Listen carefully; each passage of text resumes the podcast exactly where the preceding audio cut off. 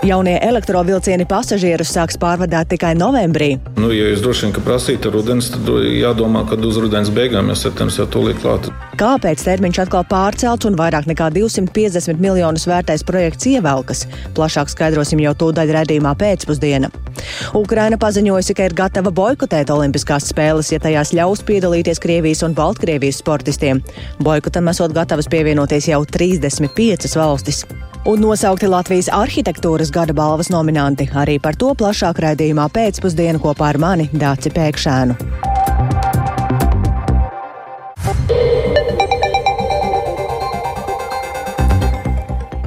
Pulkstenis ir 4,5 minūtes. Skanējumu sāk ziņu raidījums pēcpusdiena ar plašāku skaidrojumu par šodien, 15. augustā būtisko. Studijā Dāca Pēkšēna. Labdien!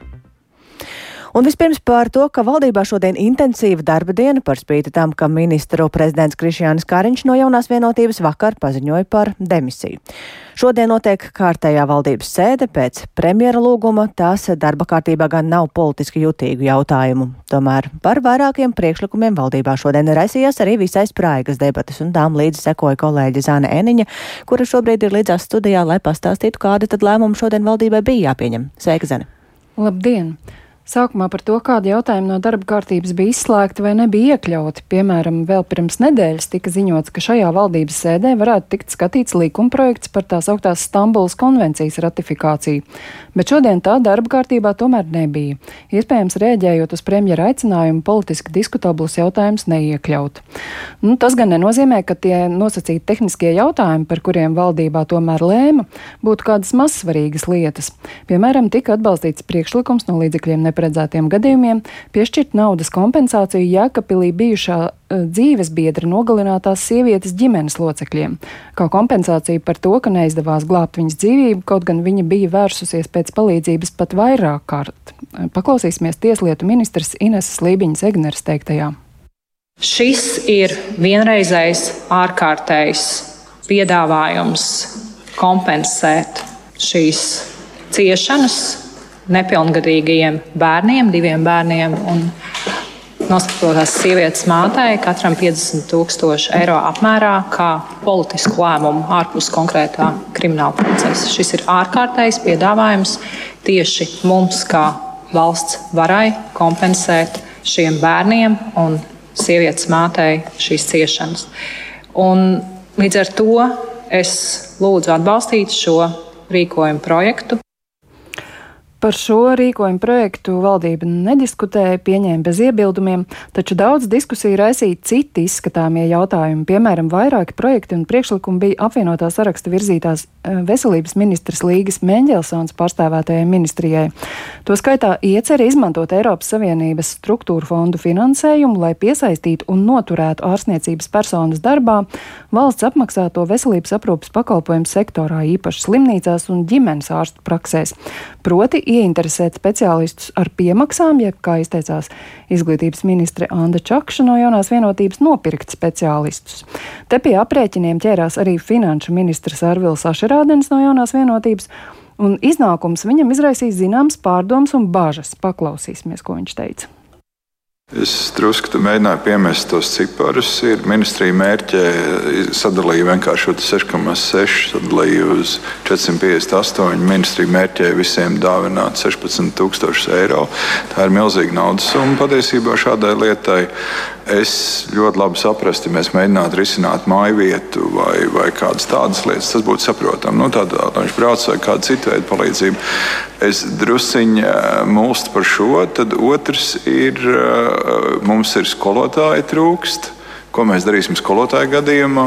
Mēs arī maksājam 16,000 par pārcelšanos. Finanšu ministra iebildums neraisīja tikai šis e, priekšlikums vien, arī veselības ministrijas virzītais informatīvais ziņojums par digitālās veselības stratēģiju laika posmam līdz 2029. gadam. Arī uz Šajā sakarā finanšu ministram bija daudz jautājumu, un, un ne uz visiem viņš varēja saņemt atbildes. Tā ka gal galā iekšlietu ministrs Māris Kučīnskis no apvienotā saraksta pat aizrādīja, ka tagad šī ir tikai tehniska valdība, un būtībā diskusijas par neskaidriem jautājumiem jāatstāja nākamās valdības ziņā. Un tādējādi arī šo uh, stratēģijas uh, ieceri valdība atbalstīja tālākai virzībai. Un tāpat valdības dienas kārtībā ir vairāk jautājumu saistībā ar nākamā gada budžetu, valsts ieņēmumiem un izdevumiem. Valdības sēde turpinās, un tieši tagad šie jautājumi tiek skatīti. Vece. Tas tātad uh, par valdībā šodien lemto, bet, Zana, tu šajās dienās arī seko līdzi visām politiķu sarunām, izskan publiskajā telpā arī jau dažādi minējumi, kurš varētu tikt virzīts par nākamo valdības virzītā, uh, vadītāju. Tiek minēti arī konkrēti vārdi, kas ir šajā ziņā jauns. No, no premjera Krišāņa Kariņa partijas jaunā vienotība šodien nekādu konkrētu paziņojumu nav pēc viņa vakardienas paziņojuma par demisiju.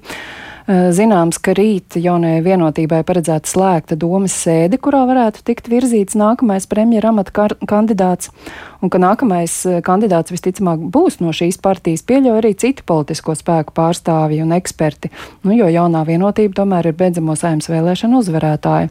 Taču, protams, tā ir valsts prezidenta izšķir, izšķiršanās, kam viņš dos šo uzdevumu veidot nākamo valdību. Jāpiebilst gan, ka viens no apvienotā saraksta dibinātājiem, uzņēmējs Uldis Pīlēns, jau ir publiski izteicies, ka viņa kandidatūra ministru prezidenta amatam joprojām ir spēkā. Tikmēr kuluāros un arī sociālās saziņas tīklos e, izskan jautājums, vai valdības veidošana nevarētu tikt uzticēta pašreizējai jaunās vienotības labklājības ministrei Evikai Siliņai.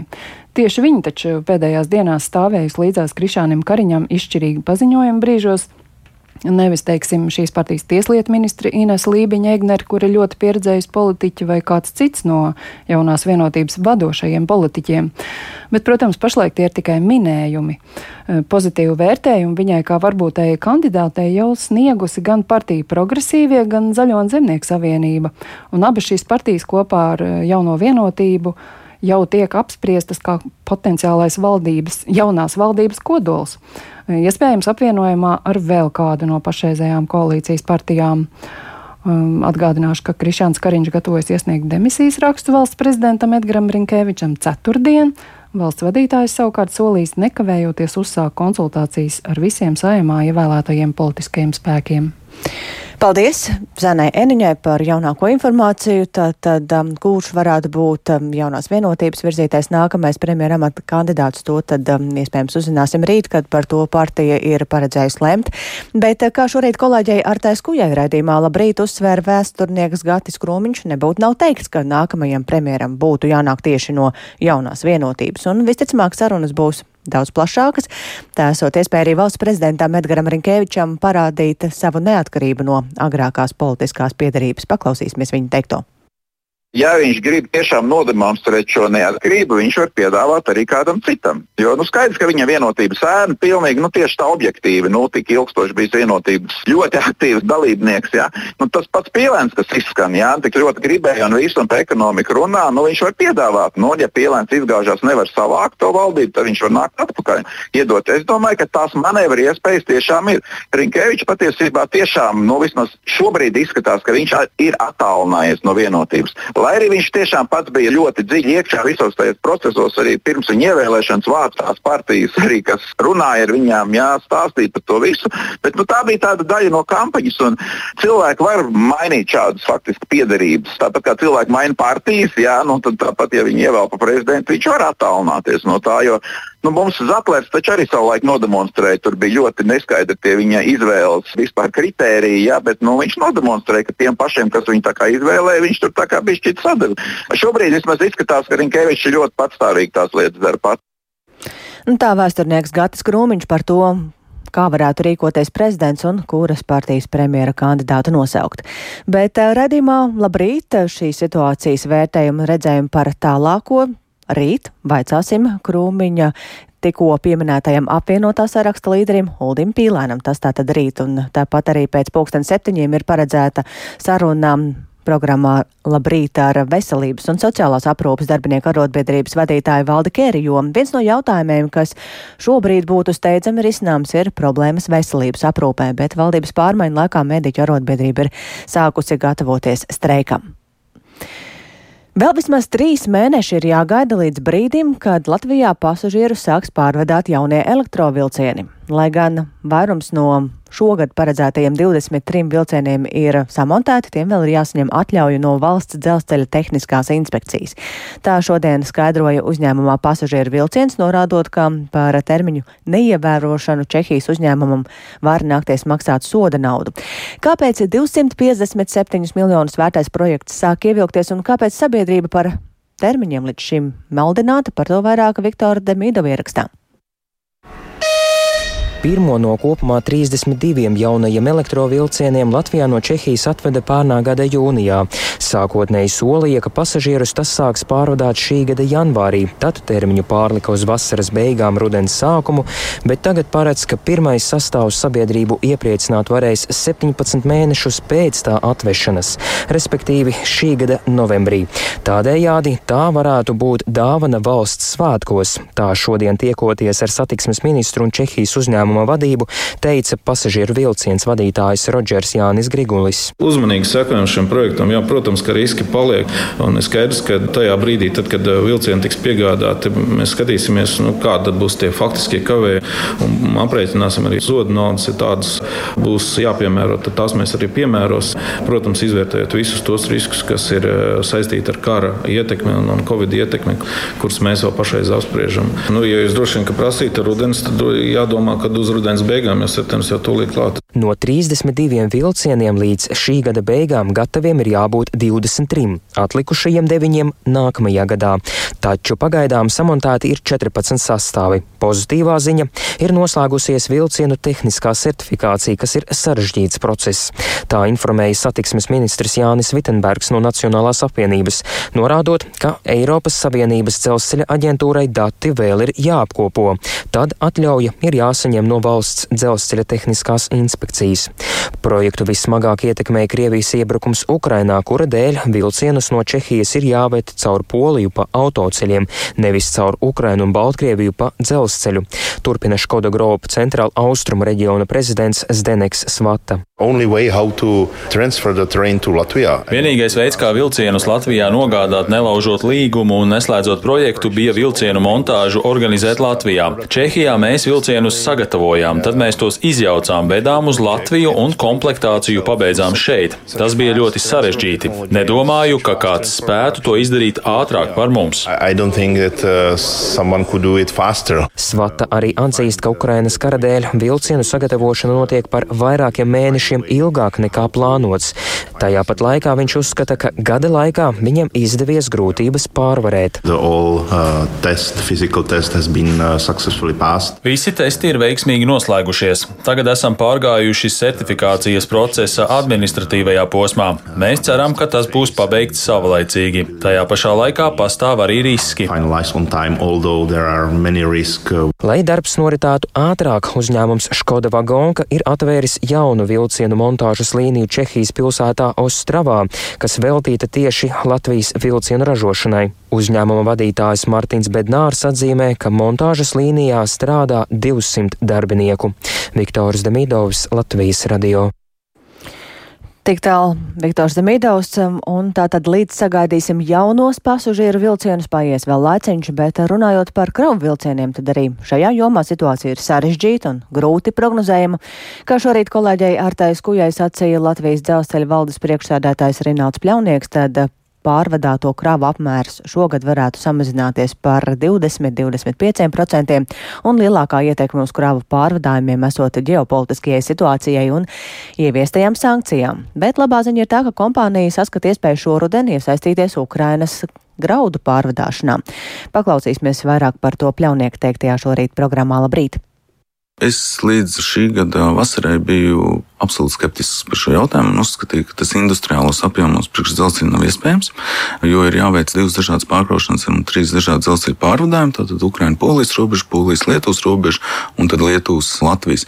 Šie pārvadājumi notiek. Tie ir pietiekami, lai tos apkalpotu Klaipēdas ostu. Tie ir daži tūkstoši tonu mēnesī, bet ir attīstījušās loģistikas tehnoloģijas, pārkraušanas iespējas. Tātad var izmantot daudz operatīvāk pārkraujams vienības, šos tā saucamos lielos iekraušanās maisus, un dotajā brīdī ir parādījusies iespēja Ukraiņas graudu pārvadājumiem. Mums ir bijušas nesen tikšanās pagājušo nedēļu ar Ukraiņas vēstnieku Latvijā. Mūsu komanda ir atgriežušies šo svētdienu arī no vizītes Ukrainā, un mēs redzam to, ka ap 500 tūkstošiem tonu, miljonus tonu gadā varētu pārvest šajā tranzīta koridorā. Tad sliežu platums vairs nav šķērslis, lai to darītu un darītu jau šoruden? Uh, jā. Tā Latvijas dzelzceļa valdes priekšsēdētājs Rināls Pļaunieks par kompānijas iespēju iesaistīties Ukrainas graudu pārvadāšanā. Un par Ukrainu arī mūsu nākamais stāsts. Turpinoties Krievijas vispārējiem iebrukumam Ukrainā, neapsīkst arī smagi uzbrukumi frontes pievārtē esošajai Hersonai un tās apgabalam. Tajā joprojām mīt ap 170 tūkstošiem iedzīvotāju un par to, kā Hersona pārdzīvo nemitīgos triecienus un kā gatavojas ziemai, par to esam sazinājušies ar Latvijas radio korespondenti Ukrainā Indru Sprānci. Labdien, Indra! Labdien, jā, Hersona nemitīgi. Faktiski katru dienu piedzīvo ļoti smags uzbrukums, un kā šodien preses konferencē pauda Hersonas militārās administrācijas pārstāvis Aleksandrs Tolokonnikos, arī vakardienas, šīs nakts laikā, šodien no rīta un arī šodien pa dienu turpinās apšaudas. Vakar vien no Dnipras eh, kreisā krasta uz Hersonu un tās apgabalu redīt turpat 300 dažādu ieroču lādiņu, tajā skaitā aviobombas, artilērijas lādiņu minētāji mīnas, tanku lādiņu un citi. Un šajos uzbrukumos kopš vakardienas cietuši deviņi civiliedzīvotāji, un, diemžēl, cietušie un bojāgājušie Hersonā un tās apgabalā ir faktiski gan arī turpat katru dienu. Un atgādināšu, ka nedēļas nogalē vienā no šāvieniem uz vietas ar vienu triecienu tika nogalināta vesela ģimene, ieskaitot divus bērnus, un viena vien, vien no tiem meitenīte bija vien 23 dienas veca. Un arī pagājušās dienas laikā starp cietušajiem Hersonā reģionā un apgabalā ir bērni, kopumā pieci. Un, kā skaidroja Helsinas militārās administrācijas pārstāvs, pilsētā un apgabalā joprojām aptuveni 25% no iedzīvotājiem, kas tur dzīvoja līdz vispārējā iebrukuma sākumam pērn 24. februārī, izvēlējušies palikt joprojām šajā gan pilsētā, gan apgabalā, neskatoties uz regulārām apšaudēm. Hersonā pašā ja tur iepriekš dzīvoja ap 300 tūkstošiem iedzīvotāju, tagad, neskatoties tātad uz šiem šausmīgiem apstākļiem, joprojām aptuveni 70 tūkstoši iedzīvotāji savukārt Helsonas apgabalā, kur līdz vispārējiem iebrukumam dzīvojuši ap 600 tūkstošiem cilvēku, tagad mīt aptuveni 100 tūkstoši. Jā, Inda, tu saki, ka šajā apgabalā ir izvēlējušies palikt virkne cilvēku, bet kāda tur vispār ir situācija ar ūdeni, elektrību, gāzi? Kā kurā vietā. Elektrība, gāze un ūdens patiešām vietām ir un vietām nav. Kā skaidroja militārās administrācijas pārstāvs, nemitīgās apšā, apšaudēs Krievija cenšas iznīcināt visu svarīgo infrastruktūru. Jau ir ziņots par dažādos punktos, kur, kur ir trāpīts viss, viss, kas ir vajadzīgi cilvēkiem izdzīvošanai. Ukraiņa no savas puses mēģina postījumus novērst, taču ne visur to ir iespējams ātri paveikt. Paklausīsimies fragment no Hersons militārās administrācijas pārstāvi Aleksandra Tolokoniko šodien sacītā.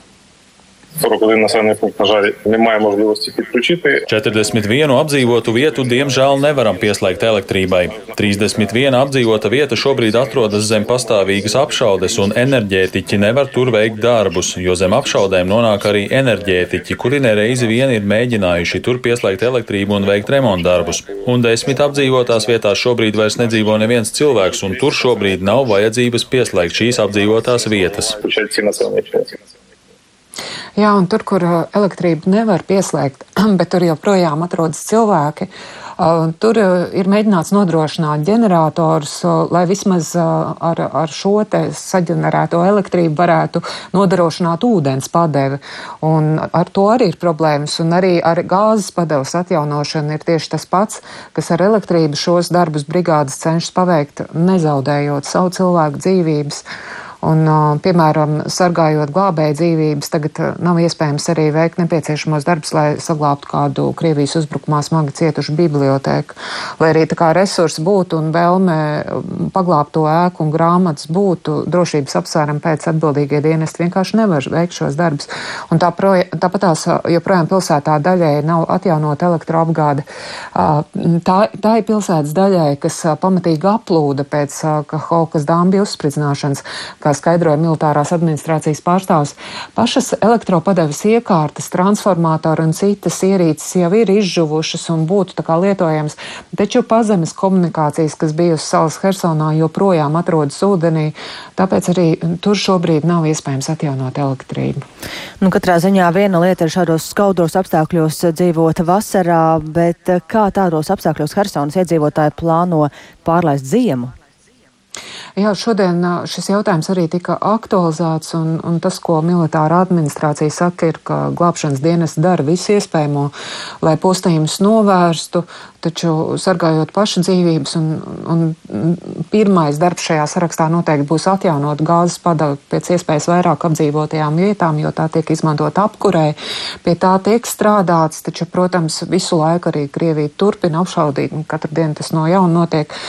O, bet vēl viena lieta, pie kā ļoti rūpīgi domā un par ko mm, tiek mm, rūpējās un, un nezinu, kā izdarīt labāk, tas ir, kā atjaunot, kā atsākt eh, darbu rudenī skolām.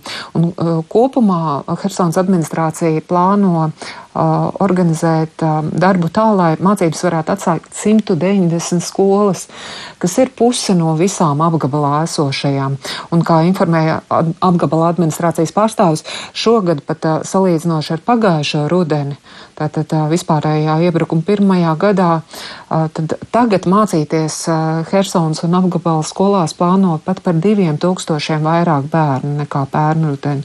Kopumā minēts, ka mācībām pieteikti vairāk nekā 60 40 tūkstoši bērnu, bet, protams, nav teikts, ka visi tieši ir uz vietas Hersonā un apgabalā, jo šis apmācību process notiks internetā tikai attālināti. Uzbrukumu intensitātes dēļ Hersona šobrīd neredz iespēju. Jā, paldies. Mēs sazinājāmies ar Indru Sprānci. Izskatās, ka šobrīd ir kāds pārāvums sakaros, bet mēs runājām par Hersonu un tās apgabalu.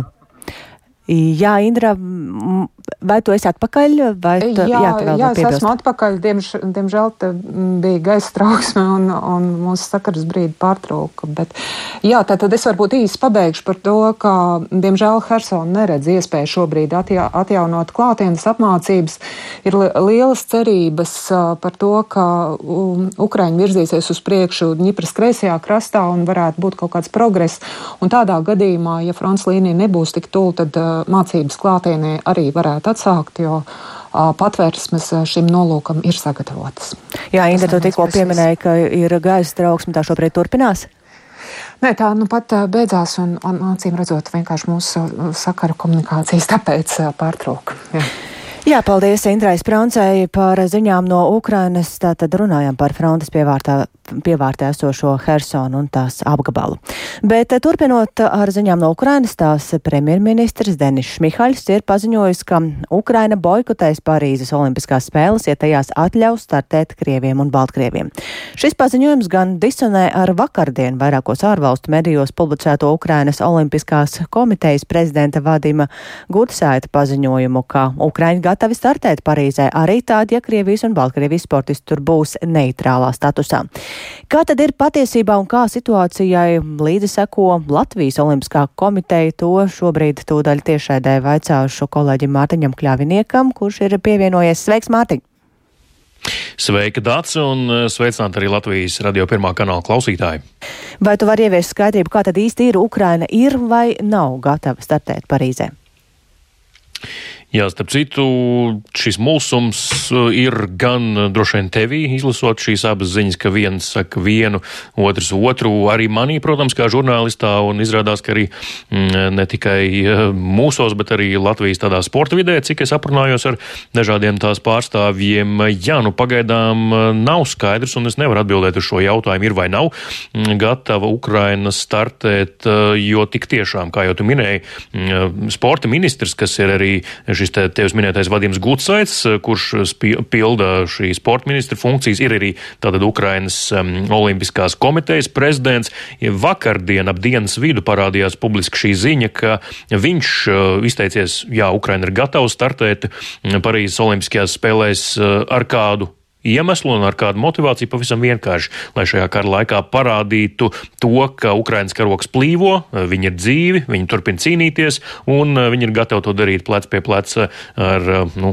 rādīt to arī tur esošajiem krieviem un baltkrieviem, Olimpiskajā stadionā esošajiem un arī arēnās esošajiem, eh, ja, protams, šie atlēti startē zem neitrāla karoga, bet savukārt vēlāk vakar pusē un Latvijas medijos tas parādījās šorīt no rīta, ka tomēr premjerministrs Denis Šmihais ir izteicis izteicies, ka ir izveidota vairāku desmitu valstu, 35 valstu koalīcija, kas ir gatava boikotēt šīs te vasaras olimpiskās spēles, ja tur būs Krievi un Baltkrievi, un tas savukārt, nu, nesaskan ar to, ko teica Vadims Gucaits. Tā kā, nu, interesanti, bet acīm redzot, kaut kādas pretrunas ir arī Ukrainas iekšienē atbildīgajās iestādēs par šo jautājumu.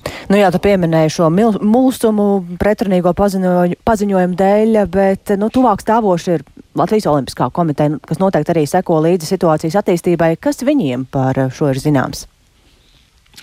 Jā, es arī šodien um, sazinājos ar Latvijas Olimpiskās komitejas uh, ģenerālsekretāru Kārli Lēnieku. Viņš gan bija pietiekami lakonisks un īss savā mm, tādā neoficiālā komentārā, bet viņš teica, nu, ka oficiāla komentāra šobrīd nebūs, jo, nu, gluži vienkārši nav ko komentēt. Viņi paši arī, starp citu, esot uh, apmulsuši tieši šī iemesla dēļ, ka viens pasaka vienu, otrs uh, būtībā pretējo, un abi pārstāv Ukrainas pusi, līdz ar to viņi viņiem piekdien Latvijas Olimpiskajai komitejai vēlreiz būšo telefonu saruna ar Ukrainas Nacionālās Olimpiskās komitejas prezidentu Vadimu Gutsaitu, un tad mēģinās Latvijas Olimpiskā komiteja uzzināt jaunāko no viņa, un jā, nu, šī arī esot tā komunikācija, kas notiekot pietiekami bieži Latvijas Olimpiskā komiteja, Ukrainas Nacionālā Olimpiskā komiteja, nu, tāpēc, jā, nu, mēģinās to, to viņu nostāju varbūt vairāk uzzināt, varbūt, ka Gutsaita kungs ir pārprasts aizmirsts vai tulkojumā kaut kas ir pazudis,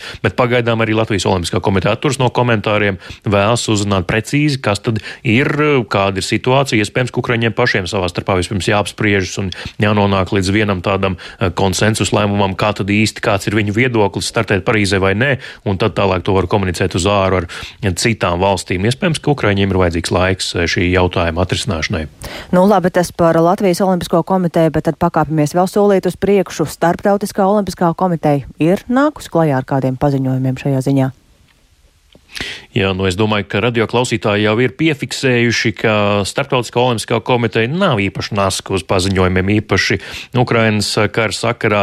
Un, jā, nu ir, protams, gada sākumā bija šis mudinājums lielajām startautiskajām federācijām tomēr, mm, nu, atkal integrēt Krievus un Baltkrievus atpakaļ startautiskajās sacensībās, lai viņi varētu izpildīt olimpiskos normatīvus. Nav gan skaidrs, ja viņi startēs, kādā statusā startēs un tā tālāk, bet nē, es pārlapoju gan Starptautiskās olimpiskās komitejas tīmekļa mājaslapas pēdējās, jaunākās ziņas pēdējā gan ir no vakardienas, kur ir tāda, tāds, tāds apkārt raksts, tāds pietiekami emocionāls ne par šo lietu, bet par vispār par olimpisko kustību kā tādu. Arī Twitter vidē nav nekā, pilnīgs klusums šajā sakarā, tāpēc, nu jā, diezgan, diezgan raksturīgi Starptautiskajai olimpiskajai komitejai. Tiesa, Ukrainas premjeras Denis Šmihaļs publiski ir vērsies pie Tomasa Baha, Starptautiskās olimpiskās komitejas prezidenta ar um, vēstījumu, ka viņš cer, um, ka izdosies uh, Sokam pieņemt pareizo lēmumu. Pareizo tas, protams, nozīmē neļaut Krieviem un Baltkrieviem startēt, bet um, varam paklausīties, ko šajā sakarā saka um, Ukrainas tenisiste Jeļina Svitoļina, kura ir viena no skaļākajām balsīm uh, starptautiskajā sportā pret Krieviem un Baltkrieviem sacensībās uh, arī Olimpiskajās spēlēs. Klausāmies! Their government are using the athletes fully, and in the media, you know, all the propaganda that Krievijas un Baltkrievijas valdība pilnā apmērā izmanto atlētus kā propagandas ieroci. Mūsu sporta ministrs dara visu iespējamo. Ceru, ka visi kopā pieņems pareizo lēmumu. Es tikai vēlos, lai mūsu sportisti vairs neciestu. Atceramies situāciju ar paukotāju Olhu Harlanu. Šausmīgi kaut ko tādu redzēt, ka pārējās sporta veida federācijas vispār viņu nerespektē. So hopefully they will be the right right decision. Jā, tālūk, Jeļina Svitoļina, Ukraiņu tenisiste. Nu, jāpiebilst, ka nu, tā no manas puses subjektīvi sakot, bet varbūt žurnālistiski ne īpaši pareizi, bet tomēr, mm, ja mēs tā izvērtējam faktus un viedokļus, tad nu, tie, kur joprojām saka, nejauksim politiku ar sportu, var kaut vai paskatīties tīmeklī, kā izskatās Dnipro pilsēta, viena no modernākajām sporta hallēm pilsētā pēc Krievijas raķešu uzbrukuma, nu, no tās šo ritmās, kas ir palicis pāri. Tā kā, nu, es domāju, ka tas vien jau runā diezgan skaļi par to, ir Krieviem un Baltkrieviem jābūt to atvainojas Parīzē vai nav. Jā, Dace? Jā, nu vēl par šo Ukrāņu lēmumu, cik tas mums ir nozīmīgs, vai Latvijas sportisti Parīzē uz turien dosies neatkarīgi no Ukrāņu lēmuma? Tas ir interesanti, un tur ir dažas nianses, jo gan iepriekšējā Latvijas Olimpiskās komitejas vadība ar Žoržu Tikmera priekšgalā, gan tagad jaunais prezidents Jānis Buks nereiz vien ir izteikušies, ka ja Krievi un Baltkrievi jebkādā statusā būs Parīzē, tad latvieši un Latvijas delegācija uz turien nedosies. Vismaz gan iepriekšējais, gan šī brīža Olimpiskās komitejas prezidents ir gatavs pieņemt tādu lēmumu. Protams, tas ir balsojuma lēmums, tur vēl būs jāpieņem eh, tas lēmums plašākā mm, sabiedrībā kārtībā Olimpiskās komitejas iekšienē, bet eh, prezidents, gan bijušais, gan tagadējais, ir gatavi, eh, ka nu, tā tas varētu arī notikt. Tiesa, nu, atkarīgs, protams, kāds varētu būt neutralitātes status, jo, piemēram, vēl Žorža Tikmera eh, prezidentūras laikā, kad runāja ar Latvijas Olimpiskās komitejas pārstāvjiem, viņi izteica tādu domu, ka ja Krievu un Baltkrievas sportistiem pirms starta Parīzē būtu jāparaksta oficiāls dokuments, kurā viņi nosoda šo te um, savas um, valsts uh, vai nu Krievijas gadījumā izraisītā un turpinātā kara vai arī Baltkrievijas gadījumā atbalstītā kara norisi, tad um, nu, tas nozīmē, ka viņiem savās dzimtenēs draudētu cietumsots, un tas nozīmē, ka viņi tik tiešām ir neitrāli. Ja viņi to ir gatavi darīt, tad um, parakst šo dokumentu, tad varētu startēt Parīzē, un tad mm. savukārt latvieši būtu gatavi būt tur plec pie pleca ar viņiem. Citādā gadījumā nē. Pagaidām, nu, vismaz Jāņa Buka prezidentūras laikā tik detalizēti nekas nav minēts, kā varētu varētu, kā nevarētu, bet uh, Buka kungs ir teicis, ka nē, ja Krievija un Baltkrievi ir tur, tad mēs tur nesam. Bet, nu, uh, tāpat laikā jāklausās, manuprāt, vispirms, ko teiks paši Ukraiņi. Jā, paldies. Tad, tad gaidīsim, kā šis tālāk izvērsīsies. Paldies Mārtiņam Kļaviniekam par komentāru saistībā ar Ukrainas un arī Latvijas sportistu dalību Olimpiskajās spēlēs. Bet vēl kāds temats - Ungāru izcelsmes amerikāņu miljardiera un filantropa Džordža Sorosa dibinātais nevalstisko organizāciju tīkls atvērtās sabiedrības fondi gatavojas pārtraukt finansēt lielāko daļu projektu Eiropas Savienības dalībvalstīs, lai pievērstos aktivitātēm citos pasaules reģionos. Vairāk par Soros organizācijas nākotnes plāniem dzirdēsiet Ulda Ķezbera veidotajā ierakstā.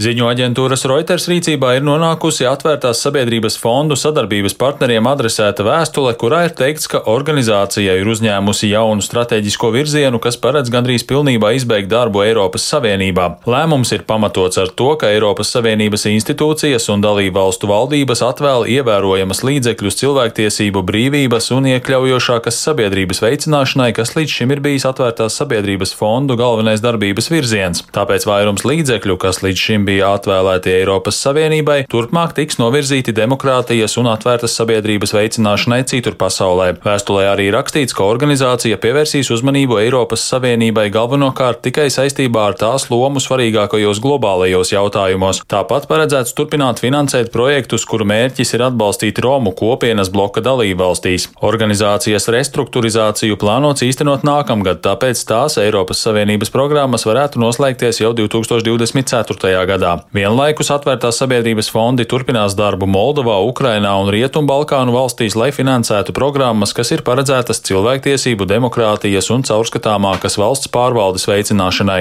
Kopš komunistisko režīmu krišanas Austrumēropā 1989. gadā Ungārijā dzimušā ebreja Džordža Sorosa dibinātā organizācija ir atvēlējusi simtiem miljoniem dolāru, lai stiprinātu pilsonisko sabiedrību, kas ir viens no demokrātijas stūrakmeņiem. Taču Sorosa organizācijas aktivitātes kādreizējās sociālisma valstīs ir izsaukušas arī lielu pretestību, galvenokārt no nedemokrātiski domājošiem politiķiem, kuri ir izplatījuši arī dažādas sazvērestības teorijas par Sorosu. Žurnāliste un publiciste Emilija Tamkina, kura ir sarakstījusi grāmatu par Sorosu, norāda uz diviem iemesliem, kāpēc ir populāras ar Sorosu saistītas sazvērestību teorijas.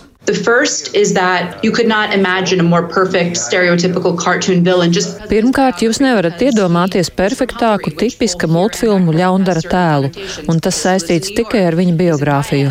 Tāpēc, ka viņš ir no Ungārijas, tāpēc, ka viņš dzīvo Ņujorkā, tāpēc, ka viņš darbojas finanšu jomā un ir ebrejs.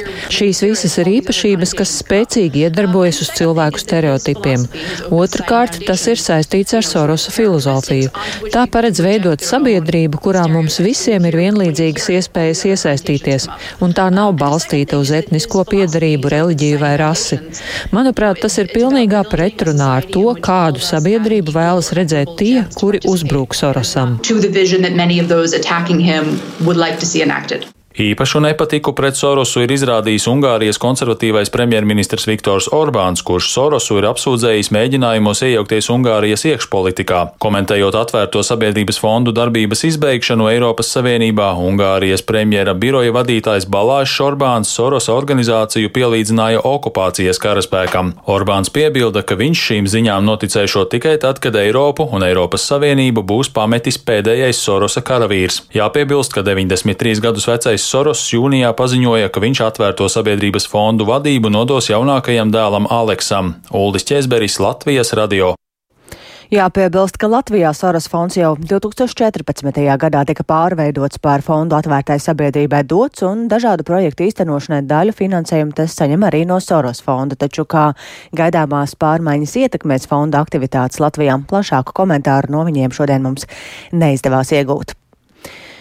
Noslēgumam tuvojas vissvētākās jaunavas Marijas debesīs uzņemšanas svētki Aglonā. Piecās dienās tie pulcēja tūkstošiem ticīgo ne tikai no visas Latvijas, bet arī ārvalstīm. Aglonā viņi ieradās domās par sevi un tuviniekiem mūsu valsti un arī mieru pasaulē.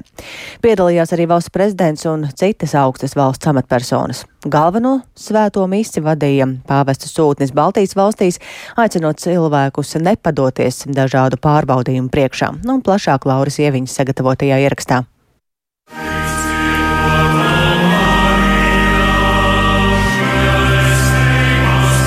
Ja kādreiz vissvētākās jaunavas Marijas debesīs uzņemšanas svinības aglonā bija tikai divas dienas, 14. un 15. augustā, tad tagad svētki nu jau daudzus gadus tiek svinēti piecas dienas. Pasākumu kārtība ik gadu paliek nemainīga. Viens no centrālajiem notikumiem ir Tautas krustaceļš 14. augustā. Turpina viens no svētku organizatoriem Viljānu draugs prāvests Rinalds Stankēvičs. Šodien, 15. augustā, visā pasaulē mēs svinam Dievmātes debesīs uzņemšanas svētkus. Reizē šie svētki ir svētki visai baznīcai, visiem ticīgiem cilvēkiem. Svētku apmeklētāju skaits ik gadu sarūk, tomēr kopumā piecu dienu garumā aglonu apmeklēja daudzi tūkstoši ticīgo. Ik gadu ierodas arī organizētas sveceļnieku grupas. Šogad tādas bija 18, tie bija vairāk nekā 700 sveceļnieki. Siguldas draudzē uz aglonu gāja četras dienas. Kāda šīs draudzes pārstāve sveceļoja kopā ar saviem trīs bērniem pieredze, kas ir iet ar draugu, tas ir ļoti vienojoši. Un tad mēs tā ģimene kļūstam aizvien tuvāk, vai ne? Jo ikdienā visu laiku viens ar otru laiku pavadām. Bet, ja skatās tādu dziļāku, tad tā ir vajadzība būt ar Dievu no rīta līdz vakaram, bez visādām papildus domām par darbu, par pienākumiem. Tūkstošiem cilvēku arī šogad izmantoja iespēju tuvumā apmeklēt dievmātes brīnumdarītājas svētbildi, lūdzot viņas palīdzību. Lai būtu veselībai, dzīves prieks, optimisms būtu, tāpēc es esmu šeit. Ko gribat palūgt dievmātei vai varat atklāt? Mieru pasaulē, mieru Latvijai. Mēs jau pierobežā esam, gribam mieru par bērniem, par ģimeni, par sevi, par veselību, tāpat arī par mieru pasaulē. Covid un viss bija tā, ka nevarēja atbraukt. Nu, tagad jau par cik var jau atkal esam šeit, lai rastu to garīgumu un svētību tā, tāda visam nākamajam gadam. Lai visi mīļie būtu veseli, tas ir visvairāk, ko vēlos. Tā ir tāda tradīcija, ka es iesāku visu ar grēksūdzi, ar lūgšanām, un arī te stāvot, es visu laiku lūdzos, un e, tikšana pie altāra, tas tā ir man tāda kā tradīcija, kā iekšējā attīrīšanās. Šodien es stāvu ar lūgumu par savas mazmeitiņas veselību. Svētku galveno svēto misi vadīja pāvesta sūtnis Baltijas valstīs arhibīskaps Peters Antons Rajičs. Dieva tēva un dēla un svētā gara vārdā.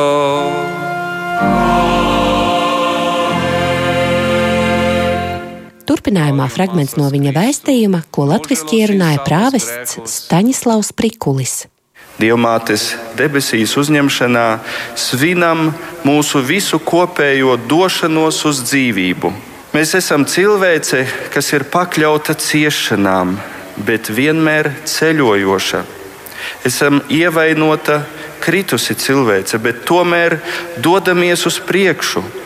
Esam cilvēce, kas labi zina nodevību, bet kas nekad nepadodas ar vienādu dedzību, mīlot gan debesis, gan zemi. Jāatzīmē, ka visvētākās jaunavas Marijas debesīs uzņemšanas svētku pēdējā svētā mise paredzēta šovakar Aglonas bazilikā pulksten septiņos vakarā. Laura Ieviņa, Latvijas Rādio studija Latgalē. Un vēl raidījuma noslēgumā sarunāsimies ar Latvijas Arhitektu Savienības valdes locekli un arhitektu biroja virtu īpašnieci Andu Kursišu, jo pēc kompetenta žūrijas izvērtējuma ir kļuvuši zināmi 12 nominanti, kas ir izvirzīti Latvijā nozīmīgākajiem apbalvojumam arhitektūrā - Latvijas arhitektūras gada balvai. To vidū ir gan Dēlas teātra priekšlaukums, gan arī Ogres valsts ģimnāzija, gan arī Rīgas cirka vēsturiskās arēnas pārbūve. Bet šobrīd Anda Kursiša pie telefona klausos. Labdien! Labdien! Nu, šobrīd visus nominantus mēs nepaspēsim nosaukt. Plašāk ar tiem var iepazīties sabiedrisko mediju ziņu portālā LSMLV, bet, ja jums būtu jārakst, jāraksturo visi 12, ir kāds tāds kopējais priekšstats? Mums bija grūts darbs žūrijā. Šogad mums bija neviennozīmīgi izvērtēt, jo šogad bija gan mazāk iesniegto darbu, gan mazāk izc izcilu darbu. Uh, Kopiespējas uh, ir tāds, ka uh, laikam uh, jāsaka uzreiz, ka trūkst uh, pārsteidzoši labu darbu tieši publiskajā sektorā. Jo uh, mēs gribējām redzēt vairāk uh, iekļaujošu darbu, vairāk darbu, kas rada tieši pienesumu uh, nodokļu maksātājiem, bet uh, to mēs diemžēl nesaskatījām tik daudz, kā mēs to gribējām redzēt. Un daudz augstāku kvalitātes latiņu mēs redzējām privātajā sektorā. Ar ko tas ir saistīts, ka nav publiskajā sektorā īpaši izceļamu arhitektūras darbu? Nu, zemākā cena nevar radīt labu arhitektūru. Tas būtu vienā teikumā, jo tikai divi no fināla žūrijas darbiem, mums tātad pieci publiskie darbi finālā, uh, tikai divi uh, cirks un dailes teātris ir radīti metu konkursa rezultātā, uzvarot uh, labākajai radošajai idejai. Uh, pārējie darbi ir radīti gan projektēt būvēt ietvaros, gan uh, zemākās cenas ietvaros, gan uh, Valmīras situācijā tādas ārkārtas situācija, kur teātrim nav telpa, ir ļoti īsā termiņā veikts vairākas cenu aptaujas. Bet kā jūs teiktu, kas būtu darāms, nu tad, lai tomēr arī nākotnē mēs varētu runāt par daudz vairāk tādiem spēcīgiem, kvalitatīviem arhitektūras darbiem? Uh, lielāk ko lielāka budžeta gadījumos uh, visdrīzāk ir ieteikums tomēr uh, atvēlēt laiku metu konkursam. Savukārt, uh, tur, kur ir uh, budžets, uh, ir uh, mazāks, uh, būtu no rūpīgi jāievēro no šī gada ieviestie saimnieciskā izdevīguma principi, kas kā visaugstāko prioritāti tomēr nosaka kvalitatīvu arhitekta darbu, kvalitatīvu koma komandas izvēli, kas spēj radīt pienesumu publiskajā telpā, nevis tikai nu, pārvietot ķieģeļus no lielveikala uz būvi ar, ar, ar savu rasējumu palīdzību. Ja, ja mēs vēl īsi atgriežamies pie šiem 12 darbiem, tad tiem bija arī kāda kopīga tēma un, un, un cik vienprātīgi bija žūrija, vai jums viedokļi sakrita? Uh, par vairākiem darbiem mums viedokļi sat, sakrita, bija darbi, kur viedokļi nesakrita, bija jāveic vairākuma balsojums. Man patika mūsu kopīgais formulējums, ko mēs, mums pēc strīdiem izdevās pateikt, ka šī gada galvenais jautājums ir par ambiciozitāti arhitektūrā, vai godīga ambiciozitāte ir iespējama un cik ļoti tām ambīcijām ir jābūt varbūt piezemētām vai gluži otrādi drosmīgām, lai spētu radīt gan skaistu, gan iekļaujošu, gan godīgu arhitektūru. Jā, paldies par sarunu vienai no arhitektūras gada balvas žūrijas pārstāvēja Antai Kursišai. Tātad galveno balvu ieguvējus nosauks svinīgajā apbalvošanas ceremonijā 6. oktobrī. Un ar to tad arī skan redzījums pēcpusdienu, ko veidoja producenti Ilza Agīnta, ierakstus montēja Uldis Grīnbergs par labskaņu rūpējās Kārlis Rašmanis un ar jums sarunājās Dāca Pēkšēna.